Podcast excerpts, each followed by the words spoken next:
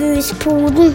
Her hos oss kommer barna først. Ja, da, da setter vi i gang med mm, en ny episode av eh, podkasten Fuspoden.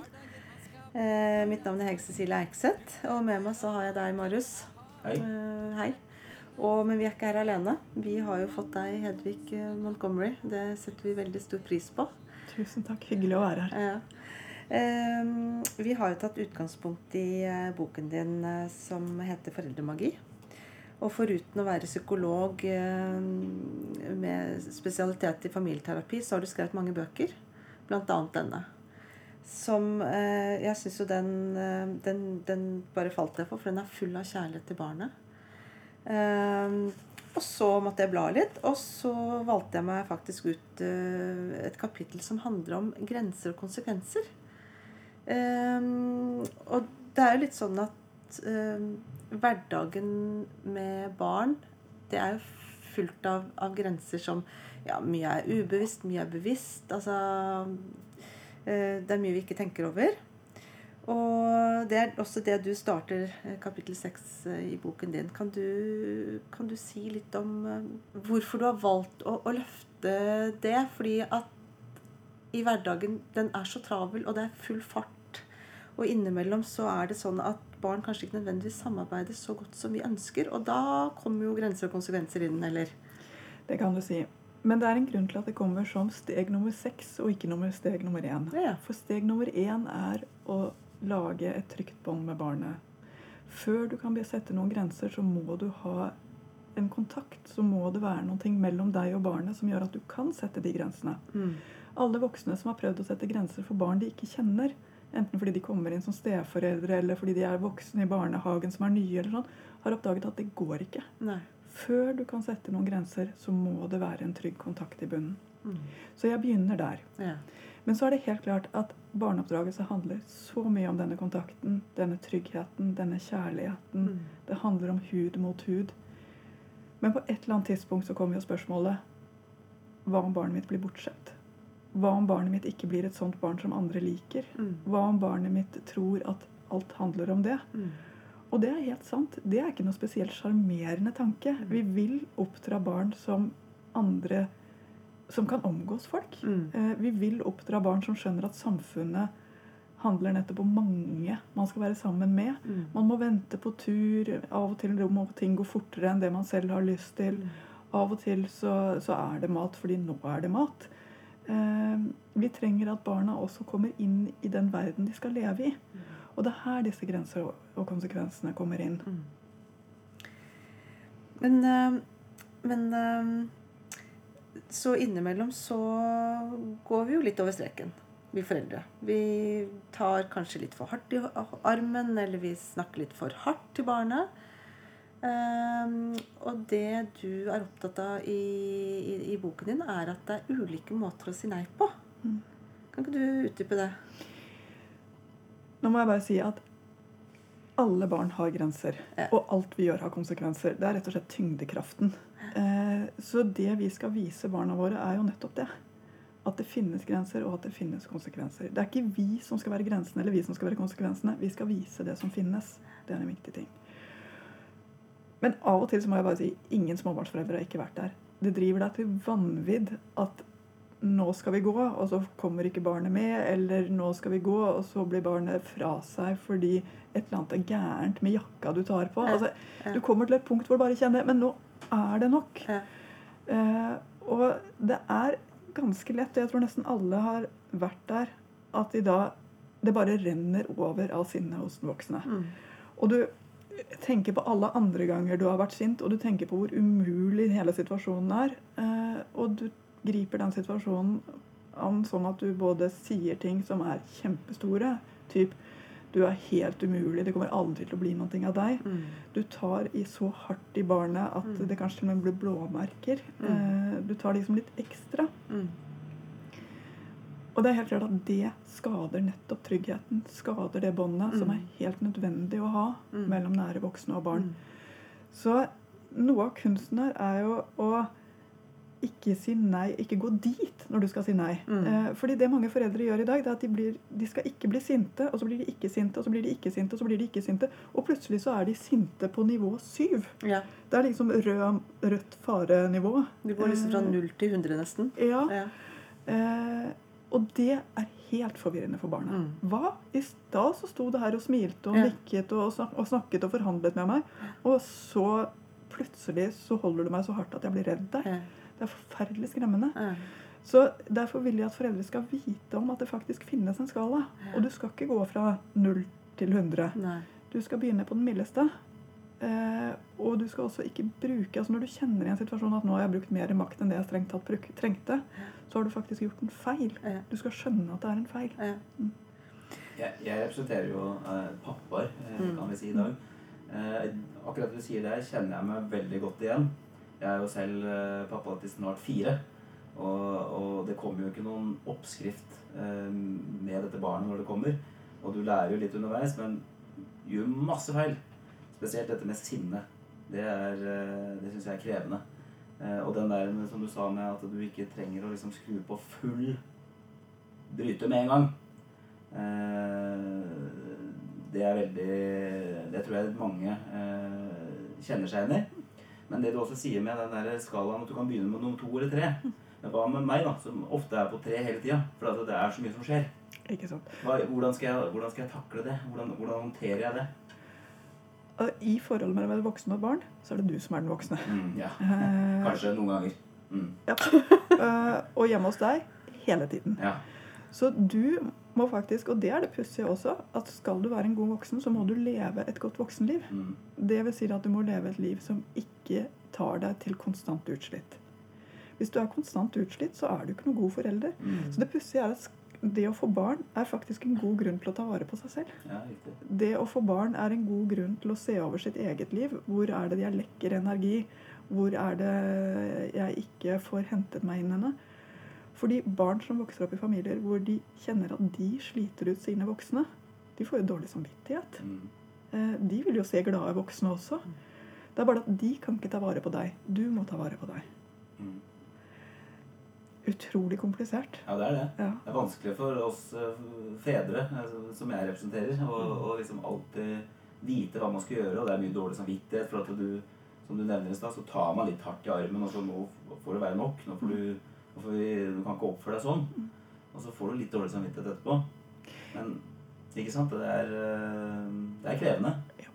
Men vær klar over én ting, at det som skiller de dårlige foreldrene fra resten, det er at de dårlige foreldrene, når de har kjent på den der 'Nå tok jeg litt for hardt', de løper til forklaringen 'såpass må hun tåle'. Ja.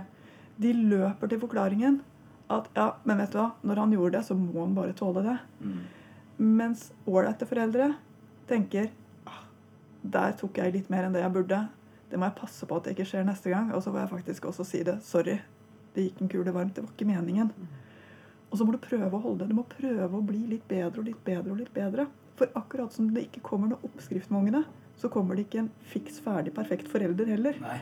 Vi må rett og slett justere oss mot det og bruke de 20 årene vi har til rådighet med å bli bedre og bedre som foreldre.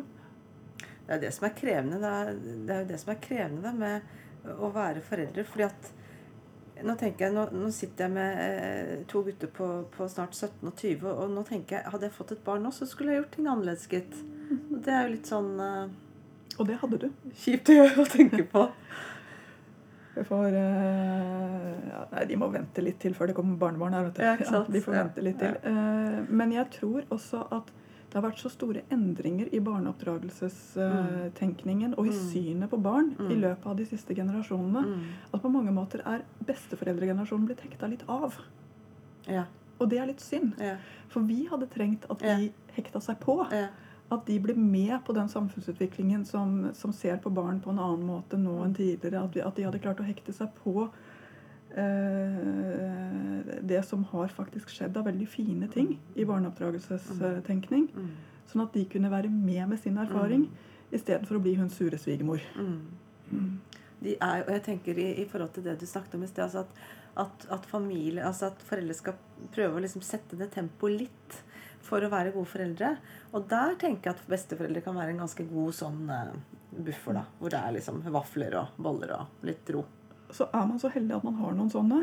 Mm. Altså ta vare på dem med begge hender. Mm. Og besteforeldre bør faktisk også gå litt inn og lese litt, høre litt. Følge litt med, Mm. sånn at de blir med barna sine Mm. på å oppdra barnebarna. Ikke? Ikke at de blir mot. Mm. Mm. Men tenker du, for jeg, jeg og Marius vi snakket jo litt om før vi kom hit, og, og, og vi hadde jo lest dette som du har skrevet i boken om at uh, nettopp det med at det, såpass må de tåle, eller dette må de tåle, eller Skal de aldri tåle det? Uh, barn tåler ganske mye. De er røffe Mm. bananer. Uh, Mm. Men de tåler ut fra trygghet. Ja. De tåler fordi det finnes et sted å gå når det er vanskelig. Mm. Problemet når det er du som blir den vanskelige, Mm. er at da får de ikke noe sted å gå. Nei. Du lager ikke noe trygghet for dem å gå tilbake igjen til, og til slutt blir det ikke noe sjanse for reparasjon for barna. Nei.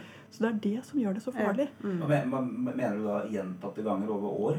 Ja. Eller mener du liksom etter e- to ganger? Det takler dem. Altså hvis, du, hvis du mister besinnelsen to ganger.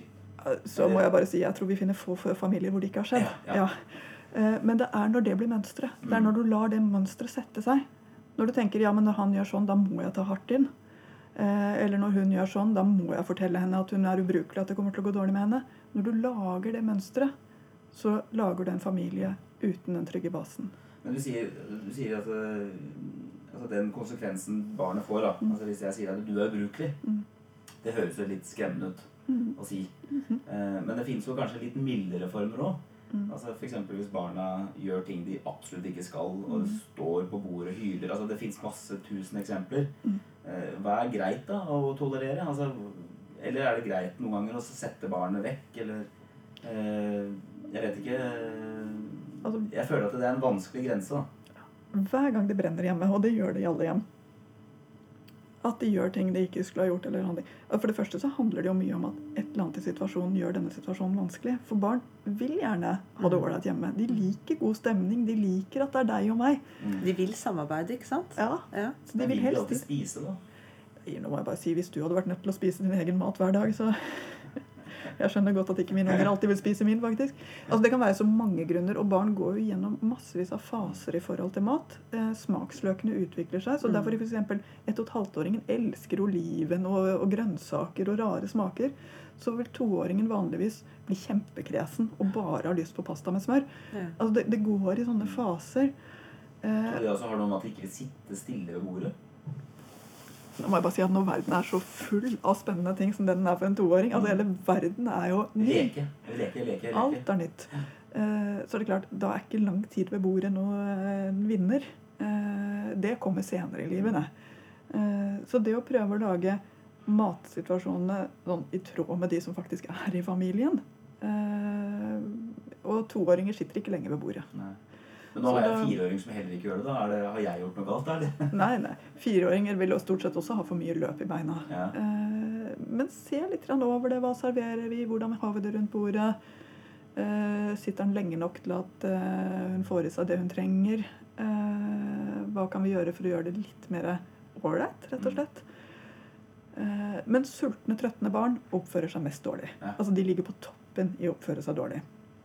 Så det meste som skjer av dårlige ting i hjem, er nettopp i den type situasjoner. Rundt legging, hvor barn er for trøtte. Før middag, eh, når, når de kommer hjem fra barnehagen er så sultne at de kan spise murstein. Og trøtte. Men de vil jo ikke spise. Nei, og det er også interessant. Overtrøtte barn vil ikke sove. Oversultne barn vil heller ikke spise. Nei. Det krever liksom litt sånn luring og lirking Mm. for å komme dit. Mm. At du da får mat i dem og får roen inn i dem. Hvor kan jeg laste ned den, eh, den, eh, den oppskriften her? Ja, men det er det som er så Det er kanskje det som gjør det så fantastisk å ha barn. Det finnes ingen oppskrift. Nei. For det første så er unger så forskjellige. Hvert barn er sitt eget. Og hvert barn må du forstå som seg selv. Mm. Og for det andre så kan vi ikke leve sammen etter en metode. Vi må leve sammen, du og jeg, her og nå. Så jeg tror det beste rådet for å finne metoden din, er faktisk å være mer nysgjerrig. Mm. Hva er det som skjer i disse situasjonene? Når er det de skjer? Se litt over hva det er for noe som, som gjør at det, at det blir At det oppstår. Se om det er noe du skal gjøre i forkant. Se om det er noen annen måte du kan forstå det på når det skjer. Jeg tror det å være nysgjerrig på sitt eget familieliv kanskje er den beste metoden av alle. For det finnes løsninger. Jeg har ikke vært inne i én familie i løpet av disse 20 årene hvor det ikke finnes løsning. Mm. Men jeg må ofte Jeg begynner helt på nytt med hver familie, for det er nye voksne og nye barn. Og jeg, hele veien. ja, Mm. og jeg har ikke noe oppskrift som virker hos Nei. alle. Og Det som kan være litt vanskelig når det gjelder grenser og konsekvenser, syns jeg det, det, det kan vel være um, Man har jo lyst til å være flink mamma og flink pappa. Har ikke, altså Vi har lyst til å få det til. Og så er det akkurat i de situasjonene man virkelig kanskje føler seg ganske lite Man opplever lite mestring, da. Ah, ja. altså jeg må bare si at Når du har andres kritiske blikk på deg, Nemlig. da er det lett å gjøre dumme ting. Mm. Uh, ja, ja, jeg har stått med en toåring, eh, treåring som gikk fullstendig vranglås midt på Stora torget i Göteborg, og hvor jeg følte at hver eneste Mm. forbipasserende stoppet opp og liksom vurderte hvordan jeg håndterte denne ekstremt vanskelig situasjon. Og da er det vanskelig å ha ro på seg, for jeg vet noen ting om ham. Mm. Jeg vet at hvis jeg går for fort inn når han har mistet seg selv, Mm. så gjør jeg bare vondt verre. Da bare Mm. trekker jeg det ut. Jeg vet at jeg må gi ham litt rom, og så er han en type gutt som jeg må nærme meg med Er det litt bedre nå? Mm. Liksom Få en liten sånn bekreftelse, Mm. og så hjelpe ham videre. Går jeg for fort inn, tar jeg tak i ham, Mm. så må jeg bare si da har jeg det gående i lang tid fremover. Mm. Men akkurat i den situasjonen hvor du står der og føler at hele Turist-Oslo som er på besøk i Göteborg Mm. akkurat denne junidagen, stopper opp og ser på dem og deg og tenker Holy Moses. Ja, hva er det hun mammaen kåler med? Mm. Det er en veldig vanskelig situasjon. Det samme når du er hjemme hos folk, sånne perfekte mennesker som har det så ryddig hjemme, og så kommer du hjem med ditt barn som kanskje Mm. er i en skikkelig klissealder. Mm. Så føler du at åh, de ser på deg og tenker Hun er ikke mye til mamma, hun, altså. Mm. Og da begynner du å kjefte på en annen Ikke måte. sant? Du begynner å oppføre deg, altså Det påvirker måten du er på. Mm. Jeg vet ikke hvor mange ganger jeg har tenkt at jeg må trekke pusten, jeg må håndtere situasjonen, jeg kjenner mine barn. Mm. Eh, og jeg tror også vi voksne, vi foreldre, skal være flinkere til ikke å se så kritisk på hverandre. Det er, liksom, Mm. det er så mye kritikk Mm. eh, som ikke er nødvendig. Min erfaring er at foreldre stort sett gjør sitt aller, aller, aller beste. Mm. Og de gjør det bedre hvis de får et smil Ikke av typen åh, ser at den der er vanskelig. Tommel opp. Enn igjen. eh, når de får den der himling med øynene Mm. og, og hva, Mm. slags, eh, hva slags eh, bøker er det du har lest, egentlig. Mm, mm. Så jeg synes også det er en ting vi foreldre skal prøve å gi hverandre litt mer Mm. slack på. Henting i barnehagen er vanskelig. Ja, for det tenker jeg litt på. Altså, jeg har jobbet i, i barnehage i mange år, og jeg tenker at altså, sånn, sånn sett har jo barneoppdrageren blitt litt mer eh, offisiell, da, eller at den, den syns så godt. Mm. Altså, før så, så holdt man på hjemme, og, eh, men nå er det liksom sånn i full offentlighet så skal man sette grenser og, og ikke bruke trusler, og man skal liksom være en, en vennlig mamma i, liksom, i denne liksom travle Så skal du rekke et møte og på vei egentlig Du er liksom Ja, det er Jeg tror at barna må bære mye av det, den samfunnsutviklingen på et vis. Ja, altså, alt som blir for mye fasade, Ja. blir lite nært. Ja, Eh, og barn er ikke utstillingsobjekter. De skal Nei. ikke vise hvor vellykkede vi er. Ja, De er bare nye mennesker i verden. ja. Eh, så ja, jeg tror det. Men ellers så må jeg bare si at mitt beste råd til foreldre er faktisk ofte å spise en sjokolade på vei til barnehagen, sånn at de ikke selv kommer sultne. Eh, I smug, da. ja, ja, for, Ja, ja. for all del. Eh, Men det er et eller annet med at før du kommer inn i barnehagen, så må du faktisk gå ut av det tempoet du har på jobb, av det stresset du hadde med at T-banen ikke kom. Altså Du må inn i den barnetempoet.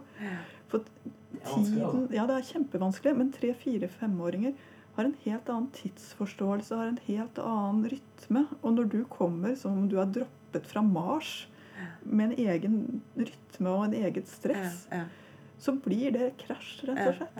Eh, så det gode rådet med, med rett og slett bare bruk tre minutter på å gå. Spis ting hvis du må. Ja. Enten det er noe eple eller det er en men, Mm. men noen ting som gjør at du ikke kommer der og er så oppjaga. Mm. Uh, for jeg ser mange barn som rett og slett blir litt forvirret Mm. av at det er to tidsforståelser som bare kolliderer. Mm. Både ved henting og ved levering. Ja, ikke sant. For i barnehagen så skjer det som skjer. I barnehagen så, Det er noe av det som gjør barnehagen så bra for barn. Mm. Det er at I barnehagen så er det tid Mm. for barna. Og det man rekker, er det man gjør eh, De får lov til å være, de får lov til å utforske, de får lov til å uttrykke seg. Mm. Eh, I veldig mange år så kommer jo ikke ordene bare sånn rennende ut av barn. Man må vente dem ut, man må orke å høre, fordi at de bruker tid på å formulere seg. Mm. Så det er ikke noe rart at det blir en krasj i sånne situasjoner som det der. der. Mm. Eh, og jeg tror at der må vi rett og slett tenke mindre på hvordan vi ser ut, og tenke mer på at vi faktisk skal inn i en annen tidssone. Mm. Det er flere er tidssoner. veldig Ja, det er flere tidssoner her. Altså, jeg tenker på for 40 år siden, da Mm. når jeg var eh, fem år, Mm. så var det en helt annen hverdag. Eh, og det er ikke så lenge siden. Mm. Altså 40 år siden er jo ikke Det er litt lenge siden, da. Ja, men det er jo ikke Vi snakker om eh, mikroskopiske forskjeller på evolusjon, i hvert fall. Eh, Hvordan er det, altså Barna som ble vokst opp eh, på min tid, da, Mm. det var jo ikke så stress da? Var det det? Altså du kan si at eh, 70- og 80-tallet var jo spennende tider rent oppdragelsesmessig. Eh, på 70-tallet så har vi mange barn som blir litt overlatt til seg selv. Fordi de voksne drev veldig mye med sitt. Mm. De levde voksenliv, de røkte og drakk, de eh, selvrealiserte seg. De gikk i demonstrasjonstog, hva det nå kan ha vært for noen ting de drev med. Eh, Sånn at ganske mange hadde fortsatt bollemammaer på 70-tallet, men veldig mange hadde også foreldre som rett og slett mistet dem litt. boll- Bollemamma, er det de som baker hjemme? Ja. Nettopp. Ja, hjemmeværende, ja. Mm. Eh, Så ganske mange barn ble litt sånn Og det ser vi også på mobbe... Altså hvordan barn ble mobbet på 70-tallet. Ja. Det som skjedde Ja, ja, på doen, var liksom helt sånn utenfor voksenkontroll. Og det var helt akseptert. At det, at det var så mange soner helt uten veiledning, helt uten voksenkontroll. Mm. 80-tallet så får vi jo Sjokopop som nøkkelbarna, eh, uten tvil. Mm. Eh, hvor mange barn får en slags selvstendighet som, som er veldig fin for dem, men kanskje til tider mindre veiledning og mindre hjelp enn det de hadde trengt. Mm. Og Så går vi over til 90-tallet, hvor det plutselig blir kjempestrengt. Ingen barn skal skades, barna får ikke lov til å dra noe sted alene. Kanskje det finnes pedofile. Altså Man går sånn helt til den andre, Ja. Ja. andre ytterpunkten Mm. igjen. Eh, og det er klart det påvirker barna hva slags tidsalder de vokser opp i. Mm. Eh, og nå tenker jeg nok at vi lever i en tidsalder hvor barna blir mye servet. Ja.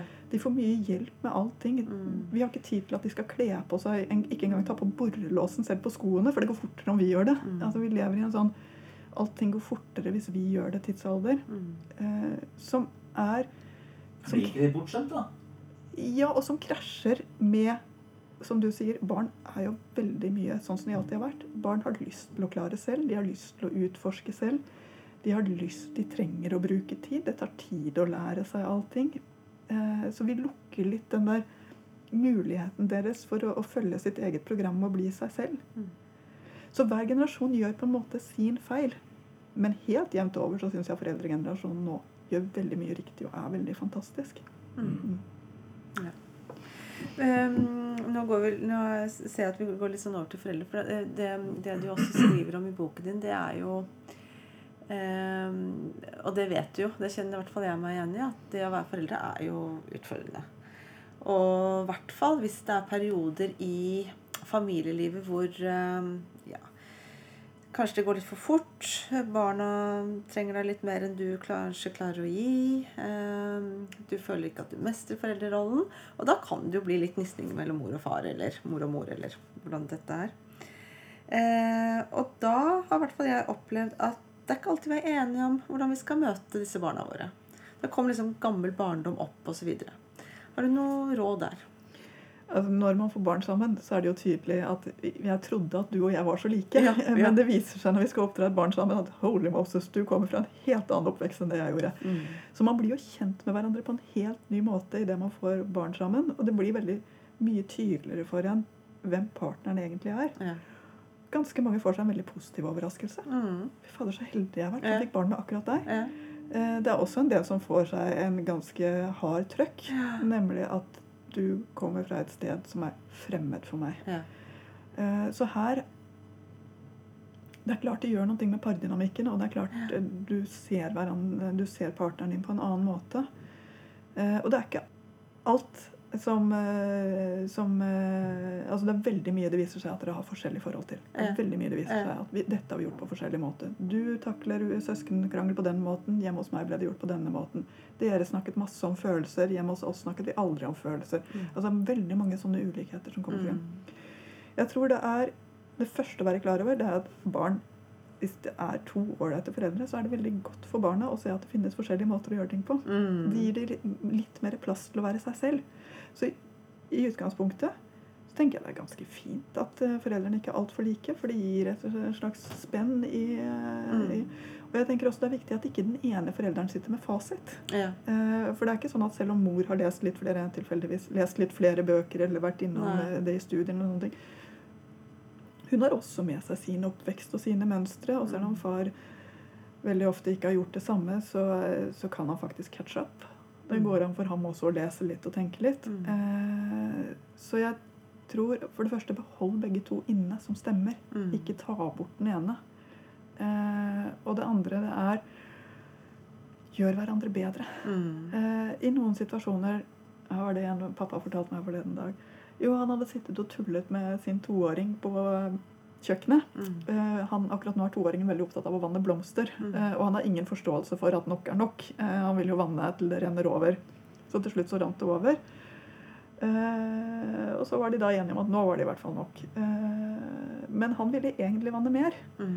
Og så mens far hadde, gjorde et eller annet annet, så fikk han tak i en svamp som lå på kjøkkenbenken, og dyppet den i vannkannen. Mm. Og klarte med et helt perfekt kast, forbløffende for en toåring, å treffe pappa midt i ansiktet.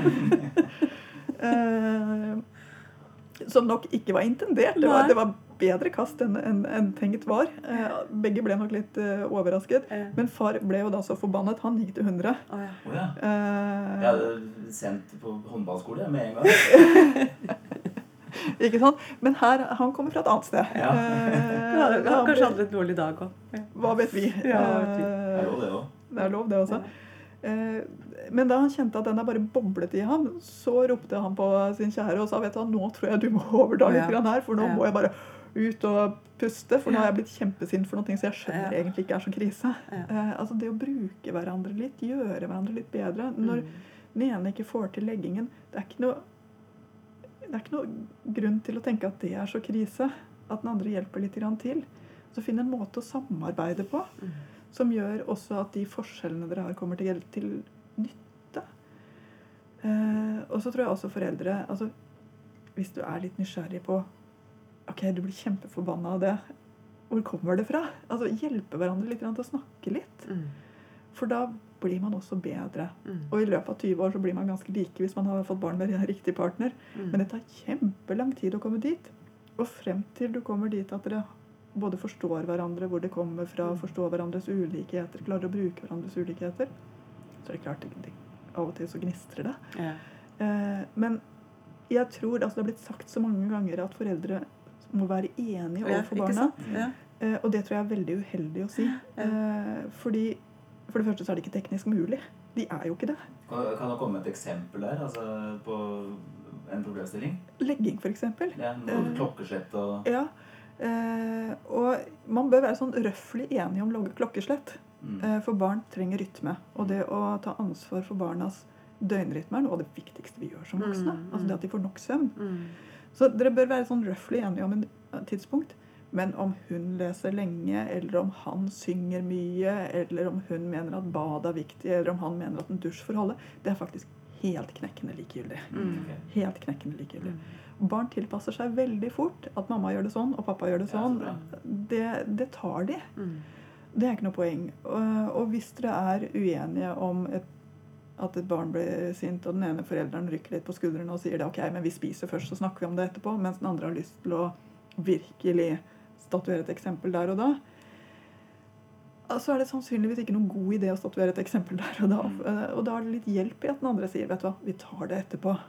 Ikke bli sint på meg for at jeg ikke blir med deg på den statueringen, men jeg tror ikke det er noen god idé. Han er sulten. Altså, det er en hjelp både for barnet og for den andre. Ikke en torpedering eller en undergraving. Så jeg tror at det å ikke ikke tenke at vi skal Når jeg er blitt sint, så må hun også bli sint. Eh, Ja, det, er ikke ikke sikkert, det er ikke sikkert at det er noe nyttig.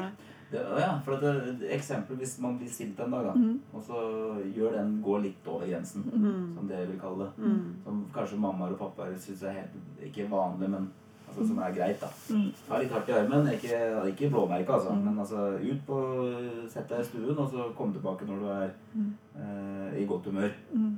Altså et eller annet. Mm. Mm. Og så kommer eksempel hvis jeg hadde gjort det, da. Og så kommer mammaen og går ut etterpå og sier 'Nå kan du komme tilbake'. Mm. Det tror jeg i hvert fall det skjer ofte hos oss. er det et problem? At, eller bør jeg da gå ut, eh, som har vært den som har vært sint, for å reparere forholdet? Det kommer litt an på familien din. Mm. Eh, men nå tror jeg bare, altså, du skal bare være klar over én ting. Ikke noe barn er spesielt god på å roe seg ned selv. Nei. Nei. Noen må gjøre det. Så noen må gjøre det. Ja. Så din bestilling til barna er egentlig helt umulig. Mm. Og at mamma skjønner det, ære være henne for det. Ja. Ja. Det er bare jeg som ikke skjønner det. det er jo i sånne situasjoner hvor, hvor i hvert fall når barna var mindre, at, at, og særlig rundt måltidene, syns jeg ofte når man sitter her og snakker sammen, og sånt, hvor mange verdier og holdninger kommer liksom opp til torgs. da. Mm. Da kan jeg ha sittet og sparket mannen min under bordet og, liksom, og så tenket liksom, nå blir barna skadet. Og, og da gjør jeg jo det bare verre. Istedenfor å altså, klare å følge det rådet med å liksom bare ja, la det være. Det er utrolig vanskelig. Ja, det er vanskelig. Eh, Men barn blir veldig lei seg når man krangler over hodet om dem. Ja, og særlig ved matbordet, kanskje. Ja, hvor som helst. Ja. Eh, Men det er liksom sånn når, når de skal gå om morgenen og eh, hun syns at han tar på for lite ullundertøy, eller hva det nå kan være for noen ting. Og, det, og begge er stressa, og det fort blir en sånn tsk, eh, kok. Mm. Eh, så blir barna ganske ulykkelige når de blir glemt nede i midten, mens de voksne står og krangler om ulle, ullundertøy, og du tar jo aldri vare på noen ting, og du vet ikke hvor noen ting finnes. Og tut, tut, tut, tut. Disse krangelgreiene Mm. eh, som, som tar av over hodet på barnet, det er ikke noe ålreit for ungene. Vi forst- da, da forsvinner vi jo litt i Altså, relasjonen blir jo litt sånn brutt, da. Ja. Det er ikke noe for barn å koble seg på der. Nei, ikke sant? Det er ikke det. Eh, og noen barn går jo da inn og prøver å si ja, men pappa er egentlig ganske flink, Ja. og da blir jo mamma bare enda mer Ja, forbanna. ja. Da, da Ja, for de er jo flinke til å bære oss. Altså, De er veldig flinke til å, å ta vare på oss foreldre. På, de prøver så godt Ja, de kan. de No, godt de kan. noen mer enn andre. ja, og det er jo ikke Det er vel ikke akkurat bra, det bestandig? Eller? Nei, altså, i hvert fall Prøv å unngå Ja. at du krangler. Ja. Eh, at, at barna blir glemt. Mm. Og at du går inn i en voksenkrangel Mm. som du etterpå Og det må jeg bare si, etterpå når du sitter på T-banen, så kommer du til å tenke det var jo ikke viktig. Nei. Eh, men sånn er livet fullt Mm. av. Mm. Ja, det blir, det blir den derre 'det var ikke så viktig', eller eh, Men du tenker ikke på det der og da, for situasjonen gjør at du ikke sant, Det er mye stress, det er mye mas. Eh, alle løper rundt hjemme i huset. Mm. Og så, og så tar du jo beslutninger som er feil. Du veit jo sjøl. Men eh, det er jaggu ikke lett å la være. Det er ikke lett å la være. Men vær klar over én ting. Heldigvis så finnes det noe hos oss mennesker som er gull, og det er reparasjon. Mm. Eh, barn har så godt av å se reparasjon og oppleve reparasjon. Mm. Ikke noe barn lærer seg å si unnskyld ved at du sier 'nå må du si unnskyld'. Nei. Eh, men barn lærer seg å, si Mm. unnskyld ved at de ser voksne som sier til hverandre 'Å, unnskyld, der kokte det over for meg'. Mm. Eh, barn lærer seg å si unnskyld når de får høre fra voksne 'Unnskyld, det var virkelig ikke meningen'. Mm. Det er bare 'Jeg vet ikke hva som gikk av meg'. Mm. Altså, unnskyldninger brukt på riktig måte lærer barn å si unnskyld, Mm. Mm. og det reparerer. Mm. Eh, mens unnskyldninger av typen 'nå må du si unnskyld til broren din' Mm. har aldri fungert Nei. for noen. Eh, så at ting av og til blir sånn, gir oss en veldig god, fin anledning til å vise barna reparasjon. Mm. Og de trenger å lære reparasjon, for Mm. ingenting i livet går bra hele tiden. Mm. Det er ikke noen sjans. Mm. Men hva gjør man konkret hvis, hvis barna har bitt eller altså gjort noe stygt mot et annet barn, f.eks.? Mm. Hvordan skal du få altså da, da skal man jo på en måte prøve å si Nå må du si unnskyld. Eller de fleste. altså Se om det ikke virker. Hva skal man gjøre? Det er ikke noe å gjøre. Ja, altså, må jeg bare si at Barn biter hverandre spesielt før de har fått godt nok språk. Mm. Sånn at et barn som føler seg snakket i senk av et annet barn, Mm. vil ofte gå og sette tennene sine i det andre barnet. Rett og slett, For det er ikke noe mer å gjøre.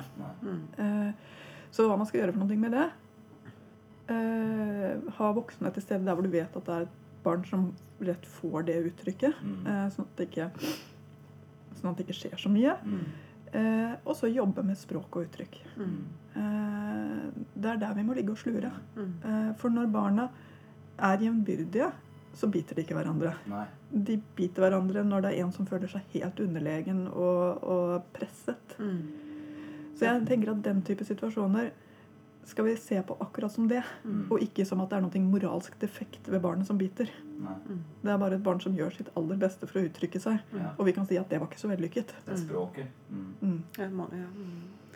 Men uh, jeg ser at vi skal avrunde nå, men, men, men um, vi- um, hvis vi er enige om at det er greit at foreldre er litt uenige uh, Men så, så skjer det da at uh, man, er, men man på en måte har så ulike motpoler at dette, dette går ikke.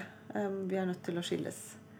Da, da, da skisserer du i boken din uh, eh, at det kan, uh, vi kan gjøre noe sånn at bruddet blir litt enklere for barna. Kan du si noe om det? Eh, barn, altså, at barn opplever skilsmisser har skjedd til alle tider. Mm. Eh, og jeg tror vi ligger omtrent på det nivået hvor vi kommer til å fortsette å ligge en god stund fremover nå. ja. Eh, og mange av disse skilsmissene er faktisk helt nødvendige. Eh, fordi det handler om å lage et liv som et barn kan vokse opp i og ha det godt i. Ja. Og to voksne som er feil for hverandre, blir ikke noe godt liv for et barn. Men vi skal være klar over at det er et voksenansvar. Eh, barn trenger kontakt med begge foreldrene sine hvis begge foreldrene er sånn noenlunde ok. Så det å sørge for at barna får lov til å bli kjent og like begge foreldrene sine, det er det barnet trenger for å leve godt, Mm. også i en skilsmissefamilie. Mm. Og da går det fint. Mm. Eh, det som ikke går fint, er igjen når barna blir noe man krangler om. Ja. Barn tåler dårlig rettsrunde på rettsrunde. Ja, ja. Barn tåler dårlig at man eh, sier 'ja, men du vet, pappaen din'. Eh, barn tåler veldig godt at man sier 'ja, pappaen din'. Snakk med ham om det neste gang. Jeg er kjempespent på hva han mener om det. Fortell det eh, gjerne til meg hvis du syns det er noe interessant. Altså, hvis de fortsetter Ja. å være der hvor barna får lov til å like å være med begge foreldrene sine, så vil de finne ut av det. Ja. Mm. ja. Har du noe siste spørsmål, Marius? Masse. Masse. Masse. Jeg kunne sitte der timevis. Ja. Men, eh, men tusen takk. Det var nyttig og lærerikt. Det må jeg virkelig si. Eh, og jeg ser jo at du er eh, Hva skal jeg si? eh, ikke overalt, det høres ikke helt bra ut kanskje, men du, du, du kommer med dine gode innspill på flere arenaer nå. Ja, og akkurat nå sitter jeg og skriver på den boken om barnehagealderen, altså to Ah. til seks. Og det er så fantastisk spennende å få lov til å dykke ned i to, tre, fire, femåringens uh, mindset og hode og lek. Mm. Eh, og også denne ganske krevende tiden. Mm. Den vanligste foreldrefeilen, for å avslutte med den, Ja. i barnehagealder, er faktisk å nettopp ikke forstå at barna ikke får sagt det de har på hjertet. Foreldre må forstå det barnehagebarna ikke klarer å si. Mm. Eh, og det er en ganske langsom ting. Mm. Eh, så veldig mange barnehagebarn blir dårlig behandlet rett og slett fordi foreldrene tror at de er kjappere, at de er smartere, at de, er, Ja. at de, at de, ser, at de ser alt. Ja. Men det er mye mer i en to, tre, fire, femåring enn det som kommer til overflaten med en gang. Her hos oss kommer barna først. Uansett om du er minst eller størst. Hvilken dag det er i uka har ikke noe å si. Det er på hverdager man skaper hverdagsmagi. Gulvet er lava, teppet er hav. Finn deg en pinne som tryllestav. Matpakkeboksen er rattet på. Et superromskip med oppskyting nå. En knapp du finner kan bli en diamant. Hvis du sier den er verdt en million, så er det sant. Bli med og spill luftgitar. Og har du lyst til å synge, så gjør deg klar. Hvem har lyst til å skli på sklia? Hvem har lyst til å huske vi leker hele tida? Førstemann til å få på seg sko. Men hvem må på do? Hvem vil ut og lage snømann? Hvem vil bygge klosser så høyt som det går an? Bygg verdens høyeste hus. Og hvem vil hoppe paradis?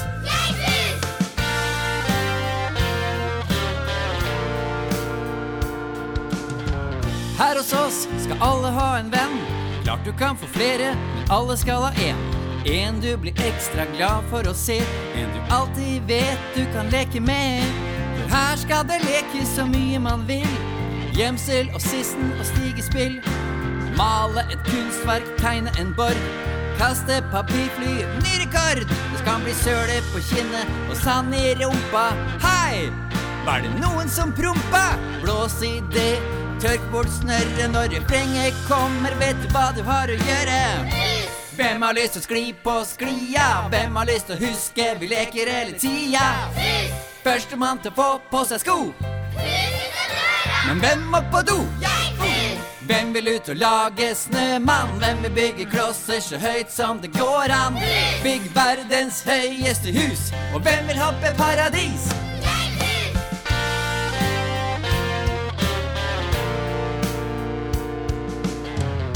Det er ikke bare barn her i barnehagen vår. Noen må lese, lage kakao og plastre på sår. Dra i gang turer, snakke med barna, prøve å forstå. For å få glade barn må de voksne passe på. Og finne ut hva barna har lyst til å finne på. Hvem har lyst til å skli på sklia? Hvem har lyst til å huske vi leker hele tida? Førstemann til å få på seg sko. Hvem må på do? Hvem vil ut og lage snømann? Hvem vil bygge klosser så høyt som det går an? Bygg verdens høyeste hus, og hvem vil oppe paradis? Hvem har lyst til å skli på sklia? Hvem har lyst til å huske vi leker hele tida? Førstemann til å få på seg sko. Men hvem må på do? Hvem vil ut og lage snømann? Hvem vil bygge klosser så høyt som det går an? Bygge verdens høyeste hus, og hvem vil opp i paradis?